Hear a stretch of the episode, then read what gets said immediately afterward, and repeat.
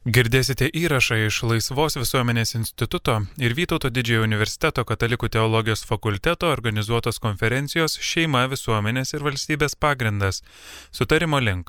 Girdėsite arkivyskupo Kestučio Kievalo, filosofo profesoriaus Alvydo Jokubaičio ir teisininko daktaro Vyganto Malinausko pasisakymus. Paskutiniam pirmosios sesijos pranešimui kviečiu Vytauto didžiojo universiteto dėstytoją, ateitininkų federacijos tarybos pirmininką, daktarą Vygantą Malinauską. Labadiena visiems. Na, suprantu, kad būti paskutiniu pranešėju yra iššūkis ir paskatinimas stengtis neišsiplėtoti, tai taip ir pabandysiu padaryti. Mano tema yra prigimtinės teisės ir sugalvotas teisės.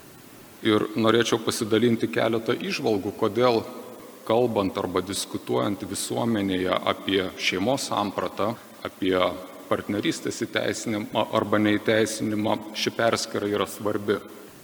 Šio laikiniai vakarietiškai demokratiniai visuomeniai būtų sunku surasti dalyką, dėl kurio žmonės labiau sutartų, negu sutarimas dėl to, jog žmogaus teisės yra svarbios.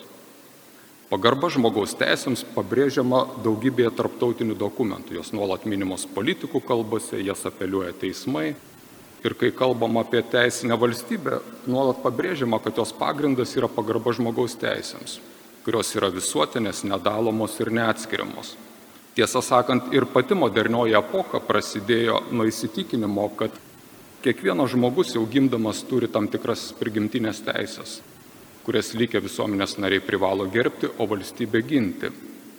Žmogaus teisės pasižymi keletų svarbių savybių, Viena jų yra ta, apie kurią rašė garsus teisės filosofas, beje turėjęs ir lietuviškų šaknų, Ronald Dworkin. Pasakio, žmogaus teisės yra tai, kas neleidžia atskiro žmogaus paukoti valstybės daugumos ar utilitariniams interesams. Kaip sakė Dvorkinas, žmogaus teisės yra tarsi aukščiausia korta kortų kaladėje, kuri permuša visų kitų žaidėjų kortas. Ir šios žmogaus teisų savybės arba ši savybė ir jos svarba ypač tapo akivaizdi e, ir jos aktualumas tapo akivaizdus po vakarų civilizacijos sukrėtusio antro pasaulinio karo baisumo. Pati taip vadinama žmogaus teisų kultūra, jinai atsirado po antro pasaulinio karo, kai susijungus šviesiems protams buvo parengta ir paskelbta visuotinė žmogaus teisų deklaracija kurie buvo išvardintos svarbiausios žmogaus teisės ir laisvės užtikrinančios kiekvienam visuomenės nariui orų gyvenimą visuomenėje. Kita žmogaus teisų savybė yra ta, kad jos iš tiesų yra ne tik teisinės, bet ir moralinės teisės. Jos kyla iš principų, iš moralinių principų, kurie yra ankstesnių už valstybę. Šiandien mes Lietuvoje turime žmogaus teisės ne todėl, kad lietuvių tauta jas sukūrė primdama konstituciją, bet todėl, kad iki konstitucijos egzistavusios prigimtinės žmogaus teisės buvo įtrauktos į konstitucijos tekstą. Jei dėl kokių nors priežasčių to nebūtų buvę padaryta, žmogaus teisės nebūtų nustoję egzistuoti ar nebūtų nustoję būti žmogaus teisėmis. Tiesiog mes būtume valstybė, kuri nesaugo žmogaus teisų ir mūsų konstitucija netitiktų pamatinių teisinės valstybės reikalavimų. Žmogaus teisės, būdamos ankstesnės už valstybę ir būdamos moralinėmis normomis, jos tuo pačiu pasižymi savybę, apie kurią kalbėjo kitas irgi įtakingas ir garsus teisės filosofas Hartas. Joms būdinga tai, kad jos turi imunitetą valingam keitimui. Nei įstatymų leidėjas, nei Seimas ar konstitucinis teismas, netgi tauta savo referendumu negali žmogaus teisų atšaukti, pakeisti arba panaikinti. Apie tai yra pasisakęs ir mūsų konstitucinis teismas. Pagal konstitucinio teismo suformuoluotą doktriną referendumai negali būti teikiami klausimai, kurie paneigtų, cituoju, konstitucijoje įtvirtintą bendro visos visuomenės gėrio pamatą sudarančių konstitucinių vertybių - valstybės nepriklausomybė, demokratija, respublika, prigimtinis žmogaus teisų ir laisvių pobūdis. Kai atsiverčiam konstituciją ir jos skyrių, kuris yra skirtas žmogaus teisėm ir laisvėm aptarti, jis prasideda 18 straipsnių, kuris kelbė žmogaus teisės ir laisvės yra prigimtinės. Ir ši formuluotė atrodo tokia paprasta ir savai meišiai, kad nėra čia reikalo ją gilintis ir daugiau ką nors pasakyti. Ir vis dėlto, jeigu bandome įsigilinti šiame konstitucijos straipsnėje vartojamą žodžių prasme, mums atsiveria svarbi perspektyva. Pirmiausiai, tai yra skirtumas tarp teisų ir laisvių.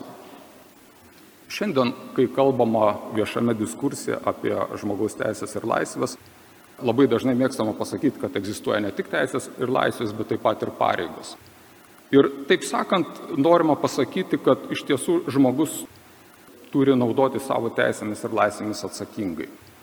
Ir tokiam požiūriui turbūt pritarimą rastumėm ir pačioje visuotinėje žmogaus teisų deklaracijoje, kurios 29 straipsnis sako, kad, cituoju, kiekvienas turi pareigas bendruomeniai, kurioje vienintelėje yra galimas laisvas ir visokiojopas jo asmenybės vystimasis. Citatos pabaiga.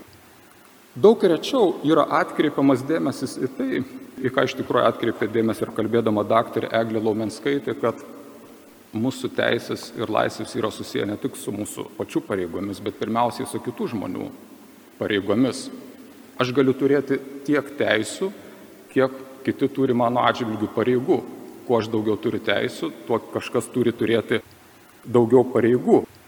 Ir ši teisų ir pareigų koreliacija arba priklausomybė buvo išanalizuota na, tokioj paradigminė tapusiai Hochfeldo, amerikiečio teisininko, kuris prieš šimtą metų parašė savo veikalą, kuris iki šiol yra kaip paradigminis įtakingas veikalas, pavyzdinė analizė leidžianti suprasti teisų ir laisvių esmę. Jisai analizuodamas jas atkreipė dėmesį keletą tarpusavio fundamentalių sąrašų. Pirmas sąrašas yra, kaip jau minėjau, negali turėti daugiau teisų, negu kažkas turi pareigų tavo atžvilgiu. Jeigu nori turėti daugiau teisų, turi kažkam užkrauti daugiau pareigų. O ką reiškia turėti laisvę? Hochfeldas, kalbėdamas apie laisvę, sako, mes turime laisvės tiek, kiek mes neturime pareigų. Nes kuo turi daugiau pareigų, tuo turi mažiau laisvės. Vaikas, kuris turi pareigą padėti prie namų ruošos tevams, ruošti pamokas ir prižiūrėti broliuką ir sesutės, atitinkamai turi mažiau laisvės lakstyti laukia. Tai atrodo elementaru. Bet šita Hochfeldo analizė arba va tie atskleisti sąryšiai parodo dar vieną dalyką, kad laisvės ir teisės yra susiję fundamentaliu, neišvengiamu ryšiu, kuris yra atvirkščiai proporcingas. Jeigu aš galiu turėti teisų daugiau tik tuo atveju, jeigu kažkas turi daugiau pareigų, tai tas kažkas automatiškai gali turėti ir mažiau laisvės. Negalima vienu metu visuomenėje žadėti, kad bus ir daugiau teisų ir laisvių. Tie politikai, kurie taip žada, iš tikrųjų meluoja.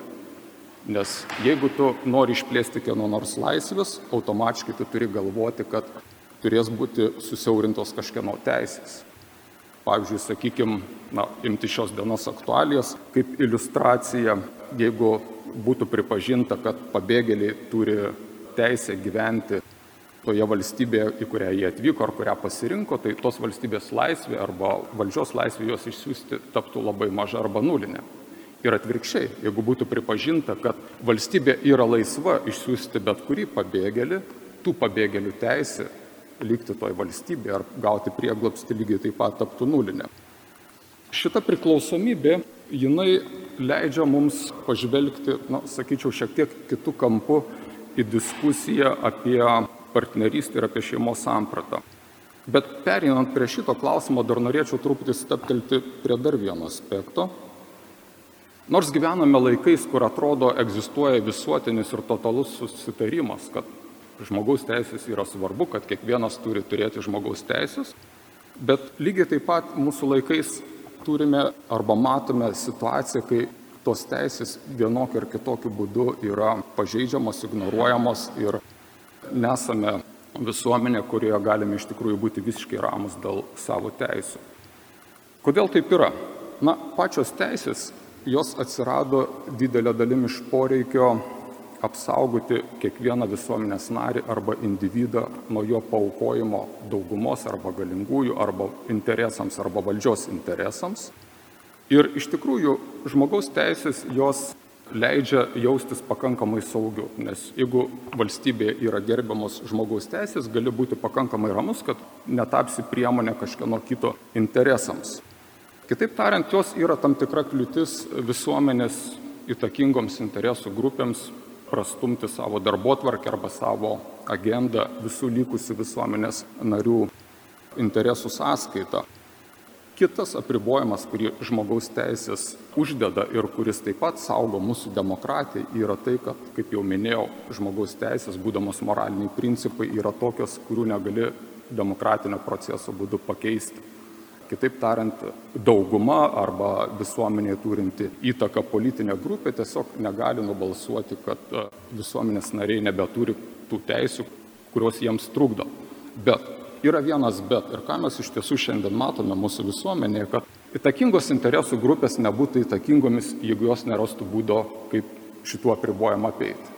Ir yra mažiausiai du būdai. Na, vienas būdas yra tiesiog paskirti savo žmonės į tas institucijas, kurios yra atsakingos už visų visuomenės piliečių teisų apsaugą. Ir jie tada tiesiog nustos pastebėti teisų pažeidinėjimus. Pavyzdžiui, galėsi tada taikyti piliečių atžvilgių kokią nors ekonominę, socialinę, psichologinę prievartą, bet tie, kurie yra atsakingi už žmogaus teisų gynimą, jie tiesiog sakys, ne, čia nėra jokios prievartos. Yra dar geresnis būdas, kaip apeiti žmogaus teisės, kurios trukdo tavo interesų įgyvendinimui. Tai tiesiog savo interesams suteikti žmogaus teisų statusą. Jeigu tu negali įvykdyti savo interesų, todėl kad e, jiems trukdo kažkieno žmogaus teisės, padaryk, kad tavo interesas turėtų žmogaus teisų statusą. Ir mes abu šiuos fenomenus arba tokius, sakykime, procesus, tiesą sakant, galime regėti šio laikinėje vakarietiškoje demokratijoje vis daugiau ideologinių tam tikrų grupinių interesų bandoma pakelti į žmogaus teisų statusą ir netgi yra atsiradęs toks terminas kaip žmogaus teisų infliacija, kai interesai staiga tampa žmogaus teisėmis. Ir beje, kas atsitinka, kai kažkieno interesai pavirsta teisėmis arba netgi jie yra pakeliami žmogaus teisų kategoriją. Iš Hochfeldo analizės arba iš to tokio no, elementaraus fundamentalaus principo matome, kad tokiu būdu sumažėja visų likusių visuomenės narių laisvė. Jeigu kažkas gali savo interesą įtvirtinti kaip teisę arba netgi kaip žmogaus teisę, tai neišvengiamai apriboja visų kitų visuomenės narių laisvę ir mes tampame nuo to mažiau laisva visuomenė. Ir čia prieiname prie vieno labai svarbaus dalyko, kad jeigu mes iš tikrųjų norime išsaugoti laisvę visuomenėje, jeigu mes norime likti laisva visuomenė, laisva valstybė, Mes turime daryti viską, kad žmogaus teisės išliktų prigimtinėmis ir jos nebūtų sutapatinamos arba sumaišomos su interesais, kad būtų išlaikyta skirtis tarp tų žmogaus teisų, kurios yra prigimtinės ir tų žmogaus teisų, kurios iš tikrųjų yra sukurtos arba kurios kyla ne iš žmogaus prigimties, bet iš tam tikros grupės interesų. Ir čia šitoje vietoje iškyla dar vienas klausimas arba šiokia tokia problema, kai kalbi su kolegomis apie prigimtinės žmogaus teisės, na, čia reiktų pasakyti dar štai ką, kad apskritai mes Lietuvoje neturim tokios akademinės prigimtinės teisės mokyklos, o teisininkų tarpe iš tikrųjų beveik nėra tokio gilesnio diskurso apie tai, kas yra prigimtinės teisės ir kas yra prigimtis. Kai teisininkai pasisako apie tai, kad turime prigimtinės teisės, jie dažniausiai tą suredukuoja tai, kad tai yra teisės, kurias mes turime nuo gimimo. Tuo tarpu pats žodis prigimtis visiškai nereiškia gimimas. Prigimtis reiškia yra tai, kas yra mums kaip žmonėms būdinga, kas glūdi kiekviename iš mūsų kaip potencialas, kas yra mums natūralu. Na, čia nėra laiko, aišku, gilintis į prigimties sampratą, bet užteks pasakyti tik tai tiek. Tačiau kiti kolegos vėlgi pastebi, sako, gerai, galima kalbėti teoriškai apie prigimtinės teisės, kad jos yra svarbios, kad jos turi turėti prioritetą prieš kitas teisės, prieš kitus grupinius interesus. Bet kas nustatys, kas yra tos prigimtinės teisės, ar mes galime sutarti dėl prigimtinių teisų. Ir šitoj vietoj iš tikrųjų atsakymas yra labai paprastas.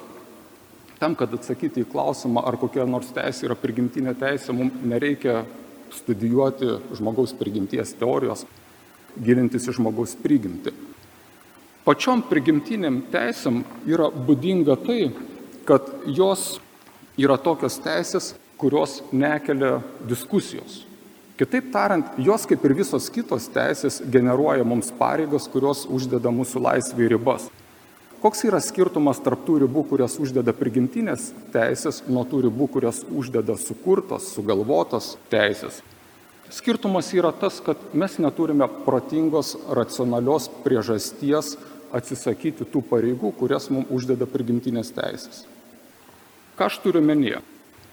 Turiu omenyje tai, kad jeigu iš tiesų tau koks nors reikalavimas, moralinis principas ar moralinė norma generuoja pareigą ir tu turi protingą priežastį tą pareigą vykdyti arba neturi protingos priežasties, racionalios priežasties jos atsisakyti, ši pareiga nedaro tavęs mažiau laisvų žmogumi. Ir tokių pareigų buvimas visuomenėje nedaro mūsų mažiau laisva visuomenė. Kas kita, jeigu pareigos yra sukūriamas kažkokios grupės interesų, tokiu atveju iš tiesų mes esame priversti apriboti savo laisvę dėl kažkieno kito interesų ir mes tada iš tiesų tampame mažiau laisvi. Jeigu atsiverstume tokį paradigminį prigimtinių žmogaus teisų katalogą, kurį randame visuotiniai žmogaus teisų deklaracijoje, tai mes pamatysime, kad ten yra išvardinta tai, kam ne vienas iš mūsų na, negalėtumėm nepritarti, jeigu norime išlikti racionalūs ir nuseklus. Pavyzdžiui, visuotinės žmogaus teisų deklaracijos trečias straipsnis. Kiekvienas turi teisę į gyvybę, laisvę ir asmens saugumą. Kas gali tam iš čia prieštarauti? Ketvirtas straipsnis. Niekas negali būti laikomas vergyje ar nelaisvas. Visų formų vergyje ir prekyba vergais yra draudžiama. Devintas straipsnis. Niekas negali būti savavališkai suimtas, sulaikytas ar ištremtas. Ir taip toliau. Ir jeigu mes perėsim visas teisės, kurios yra parašytos, surašytos visuotiniai žmogaus teisų deklaracijoje, mes ten turbūt nerasim nu, nei vieno dalyko, kuriam sakytum, ne, aš su tuo nesutinku, šita pareiga apriboja mano laisvę, aš nenoriu šitos pareigos vykdyti. Ir lygiai tą patį galima pasakyti ir apie visuotinę žmogaus teisų deklaracijos 16 straipsnėje, Europos žmogaus teisų ir pagrindinių laisvų apsaugos konvencijos 12 straipsnėje ir Lietuvos Respublikos konstitucijos 38 straipsnėje įtvirtinta vyro ir moters teisė į santoką arba kitaip tariant į šeimos teisinių santykių sukūrimą. Ką reiškia santoka? Santoka reiškia galimybę susitarti, sukurti šeimos teisinius santykius, kurie suteikia tau teisę į šeimos statusą. Ar nors vienas racionalus ir nuoseklus žmogus gali prieštarauti tam, kad susituokia vyras ir moteris yra šeima? Nepriklausomai nuo to, kokios tu esi orientacijos ir ar kokiu nors pažiūrų, ideologijos, nu, nebent esi koks nors radikalus anarchistas, kuris iš viso galvoja, kad apskritai jokių santokų ir šeimų negali egzistuoti. Ir čia mes prieinam prie vieno, man atrodo, labai svarbaus dalyko, kuris atveria perspektyvą, kuri galėtų mūsų visuomenę vesti sutarimo link. Tol, kol mūsų žmogaus ir konstitucinės teisės sukuria pareigas mums, kuriuom mes negalime arba neturime racionalios, protingos priežasties prieštarauti, tol mes esam laisva visuomenė. Ir šitoj vietoj norėčiau staptelti prie tos vat, teisės į šeimos statusą. Tai, kad vyras ir moteris turi teisę į šeimos sukūrimą, į šeimos teisinį statusą, kaip minėjau, niekaip nepriboja LGBT asmenų arba kitos orientacijos asmenų teisų ir pareigų, todėl kad jie neturi priežasties sakyti, ne, čia ne šeima, žinote, aš su tuo nesutinku. Kodėl? Todėl, kad jie patys iš tikrųjų daugelis jie yra kilę iš šeimų. Ir šitoj vietoj mes tada galime kalbėti apie tai, kad tol, kol pas mus valstybėje yra įtvirtinamos arba gerbiamos tos teisės, kurios generuoja mums pareigas, prieš kurias mes na, protingai negalime prieštarauti, tol su mūsų laisvė valstybėje nėra problemos. Klausimas turbūt būtų toksai, bet ar situacija, kai, sakykime, vyras ir moteris gali turėti šeimos teisinį statusą, o tuo tarpu du tos pačios lyties asmenys negali įgyti šeimos teisinio statuso, Ar tokia situacija nepriboja teisų? Na, analogija galėtų būti turbūt tokia, kad aš, pavyzdžiui, galiu galvoti, kad kiekvienam piliečiui Lietuvoje turėtų būti aukštasis mokslas nemokamas. Galiu turėti tokį interesą. Ir visuomenė gali su mano tokiu interesu nesutikti, nes dalis visuomenės jinai turi kitokį požiūrį šitą dalyką.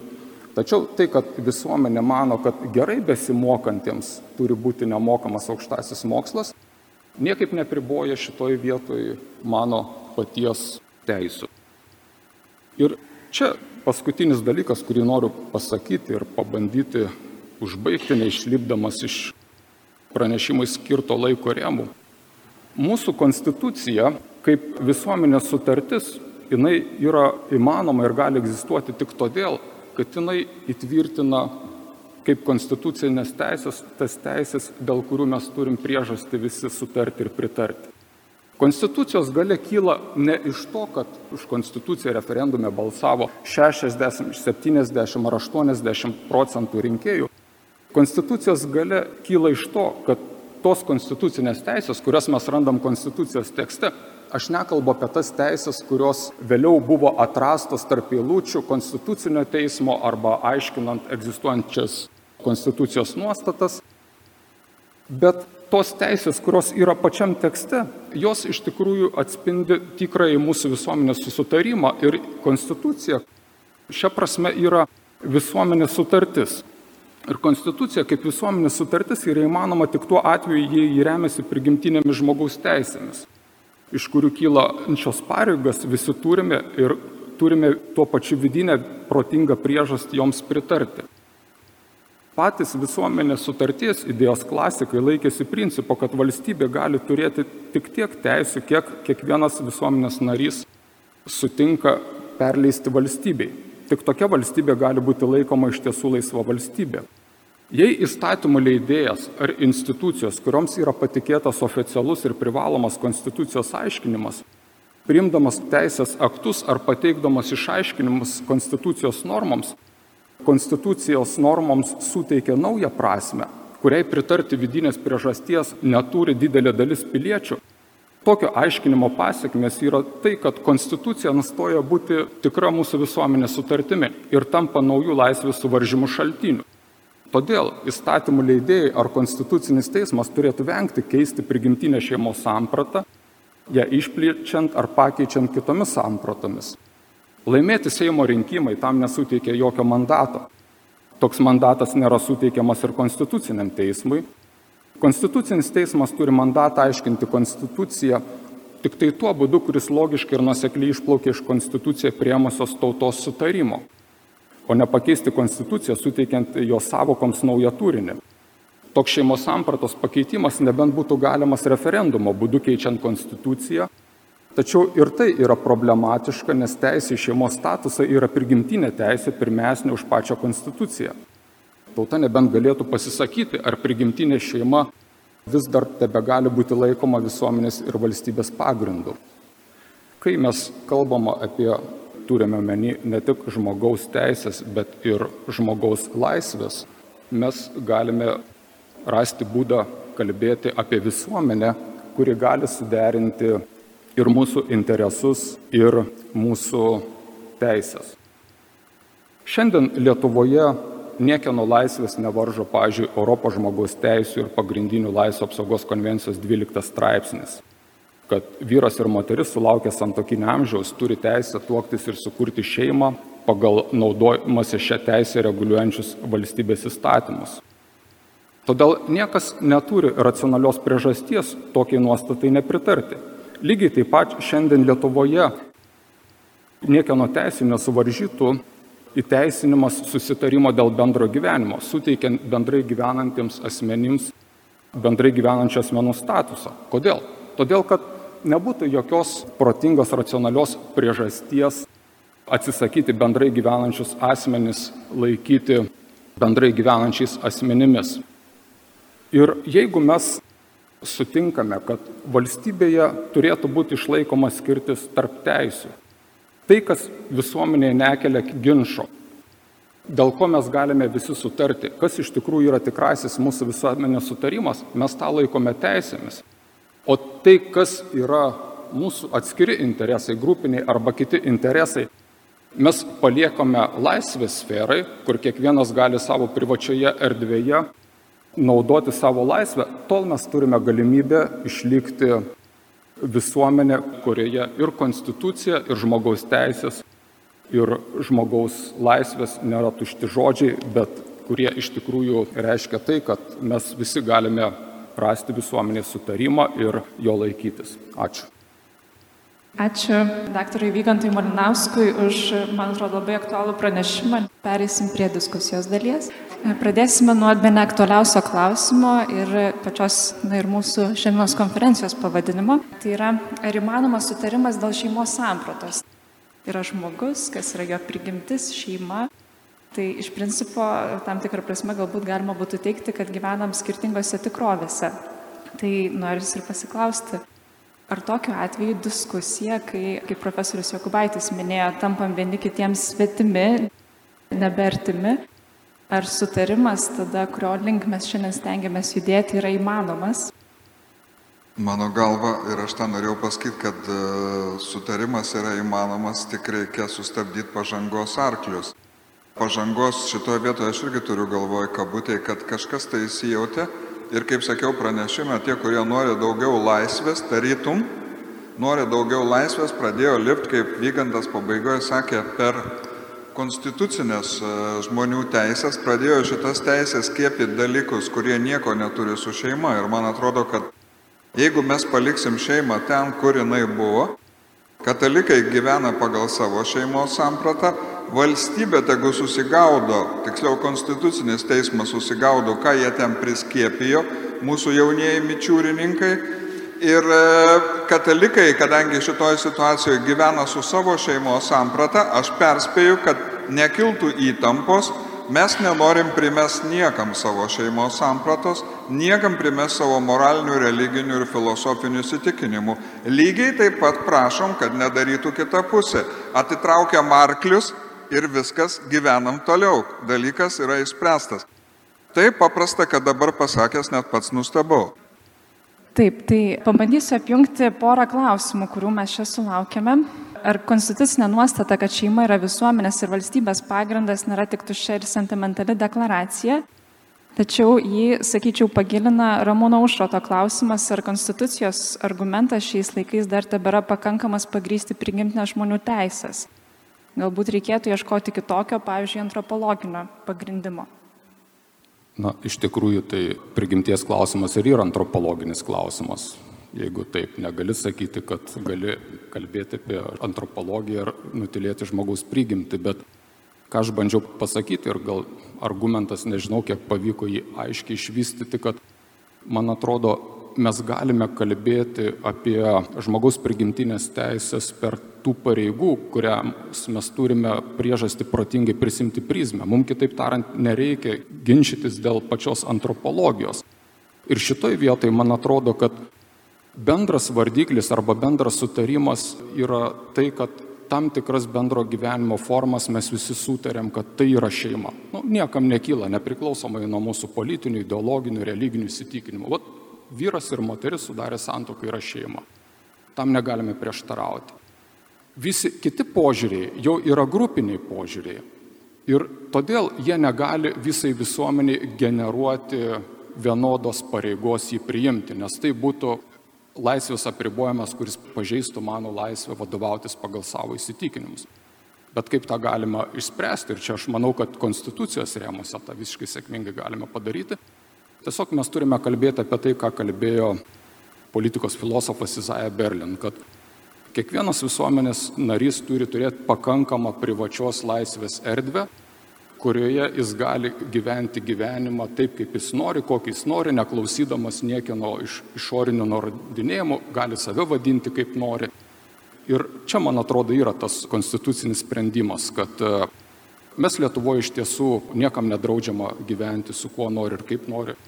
Valstybė nedraudžia savęs vadinti šeima ar kaip nors kitaip valstybė tik tai sako, arba turėtų sakyti štai ką, kad tavo privataus gyvenimo pasirinkimai negali sukurti pareigų mums visiems, jeigu mes jom neturim priežasties visi pritarti. Galima papildysiu. Man atrodo, kad žmogaus prigimti yra įrašytas nuodėmės dalykas.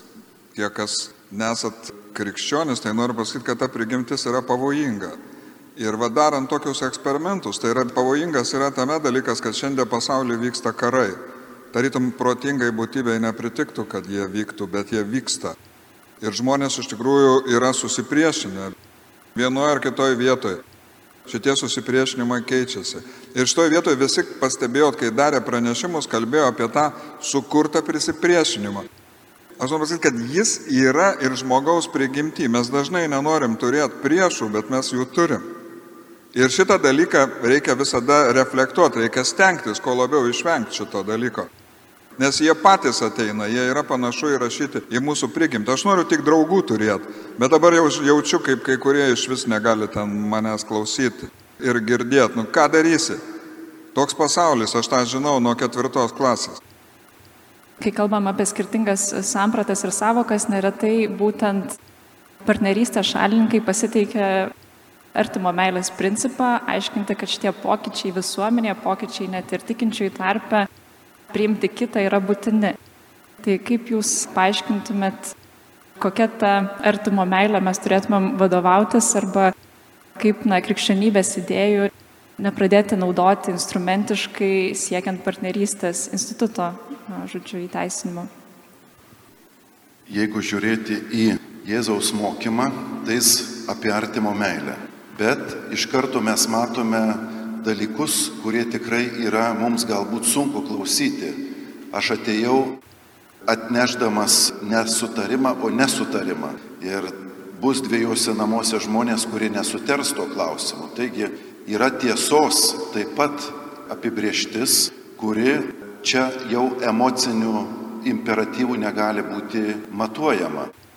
Ar jinai man patinka ar nepatinka, jinai yra tiesa apie pasaulio ir žmogaus sąrangą. Čia jau reikia skūstis Dievui, kodėl jis tokią sąrangą mumise paliktų. Aš kaip žmogus esu kviečiamas ją priimti, nepriklausomai nuo mano jausmo apie tai. Nes kai kada tos tiesos, kurios yra tikrai kietos ir radikalios, man ne visada patinka, nes manyje gyvena kitas įstatymas. Paulius sako apie tai kūno įstatymas. Ir manyje kovoja tie du dalykai. Bet iš pagarbos kuriejui aš pasiduodu arba priemu jo tvarką ir galop ją suvidujinu iki to lygio, kol jinai man taip pat tampa mano tvarka ir krikščionys tai supranta kaip dėvėjimo procesas. Artimo meilė dažnai yra kietas tiesos žodis, radikalus žodis. Ir ne mes prieš žmonės kariaujam, arba kovojam, bet už juos kariaujame. Kaip vienas valstybės vadovas, kai jam žurnalistai paklausė, ar jūs nejaučiate, kad su jūsų nuomonė nesutinka dauguma vakarų žurnalistų? Ir ar jums tai nėra svarbu, kad jie nesutinka? Juk jie prieš jūs kovoja. Ir tada jo atsakymas buvo labai įdomus. Jie ne prieš mus ar ne prieš mane kovoja, jie už save kovoja, kad išlaikytų savo tiesą, kuri yra jų tiesa, bet ne mano. Tai reiškia, kad dažnai artimo meilė gali būti tikrai ištikimybė tiesai, kuri nebūtinai priklauso nuo jausmo, kurią mes dažnai sutapatinam su artimo meilė. Mums artimo meilė yra geras jausmas Mums Naujas testamentas sako, kad nebūtinai. Nes pavyzdžiui, mylėti priešą nėra geras jausmas, mano toks įtarimas. Kalbant apie artimo meilę, tai aš galiu iš savo patirties pasakyti, kol aš netėjau į mokyklą, aš būčiau tikėjęs, kad šitas pasaulis yra padarytas iš meilės, tėvų meilė, senelių meilė. Bet kai atėjau į mokyklą, aš iškart pamačiau, kad daugeliu aš iš vis esu nesvarbus daugeliu iš vis nerūpiu ir supratau, kad turi būti kažkoks principas, kad tiem, kuriem aš nesvarbus ir kurie netgi mane piktai žiūri, kad turi būti principas, pagal kurį mes sugyventume. Ir vardan artimo meilės. Nes aš jiem negaliu įsakyti mylėti, jūs žinot, kad to neįmanoma padaryti. Tada teisingumo dalykas ir teisingumo klausimas pasidaro šitos meilės įgyvendinimu. Ir kai tu klausiai, iš to atsiranda ir politinė tvarka, Mokykloje pirmą kartą politiką pažinau, kad jau čia ne tėvai, kurie tave myli, kur santykiai yra, aš nekalbu, aš nežinau, gal su jum tėvai taip kalbėjo, kad, nu, tu turi teisę, aš turiu teisę, man kažkaip, man atrodo, kad jie vieną pareigą daugiau. Jie vieną pareigą daugiau turėdavo negu aš būdamas vaikas. Ir šitoj vietoje, va ta artimo meilės nesupratimas arba Aš suprantu, neprivartaukit krikščionių ir ypač arkivyskupo. Tas principas krikščioniškas jis yra nenugalimas, bet dėja šitam pasauliu dar yra ir politika, šitam pasauliu reikalinga ir teisė. Šitam pasauliu turi būti kas iš ciesoriaus ciesoriui, kas iš Dievo Dievo. Ir šitoj vietoje negudraukit, kad krikščionių sugundyti eiti šito keliu, kad, nu, jie myli viską, jūs einate į viešnamį, myli, nes jūs mylit irgi ir nėra jokių ribų. Tai yra netiesa. Visiška netiesa mano galva, nors aš čia, ekscelencija, atsiprašau, čia ne į savo teritorinius vandenis su laivu įplaukiau. Palėtėte ir kitą e, suformuotą klausimą, kuris buvo būtent skirtas jums, kad partnerystės šalininkų grupės teiginiai dažniausiai remiasi teisingumo tam tikrą sampratą ir jie na, teigia, kad neteisinga tos pačios lyties poroms nesuteikti šeimos statuso. Tai ar tai nėra ir kova dėl to, kas... Labai na, dėl geras teisingumo? klausimas, labai geras klausimas. Mano proseneliai, gyvendami cariniai Rusijoje, niekada nereikalavo, kad carinės Rusijos valdžia įtvirtintų jų katalikišką šeimos sampratą. Ir šitoj vietoje, kai jūs kalbat, e, reikalas yra tame, kad aš irgi manau, kad šitoj vietoje, kai mes, gal mes kaip islamo, kaip musulmonai Londone, gal pradedam gyventi pagal kanonų teisę, pagal ją ir gyvenam. Ir mes išliktume kaip bendruomenė. O dabar ką nori partnerystės šalininkai? Jie nori su valstybės pagalba. Įdomiausia, kad mes atsitraukiam nuo valstybės ir patys būrėmės į bažnyčią ir ten norim išspręsti savo reikalus, o jie dabar su valstybės pagalba lipa per galvas ir sako, kad valstybė turi tvirtinti instituciją ir kurios mes nereikalaujam, nes mes patys. Kodėl jie kalba iškart su valstybė, tegul su savo artimu kalba, o sujungiau dvi temas. Tegu jie pradžioj kalba su savo artimu, tegu kalba su mumis, o iškart einama ten, kur yra prievartos monopolis. Mes visiškai nenorim jų užgauti, bet yra paprastas klausimas.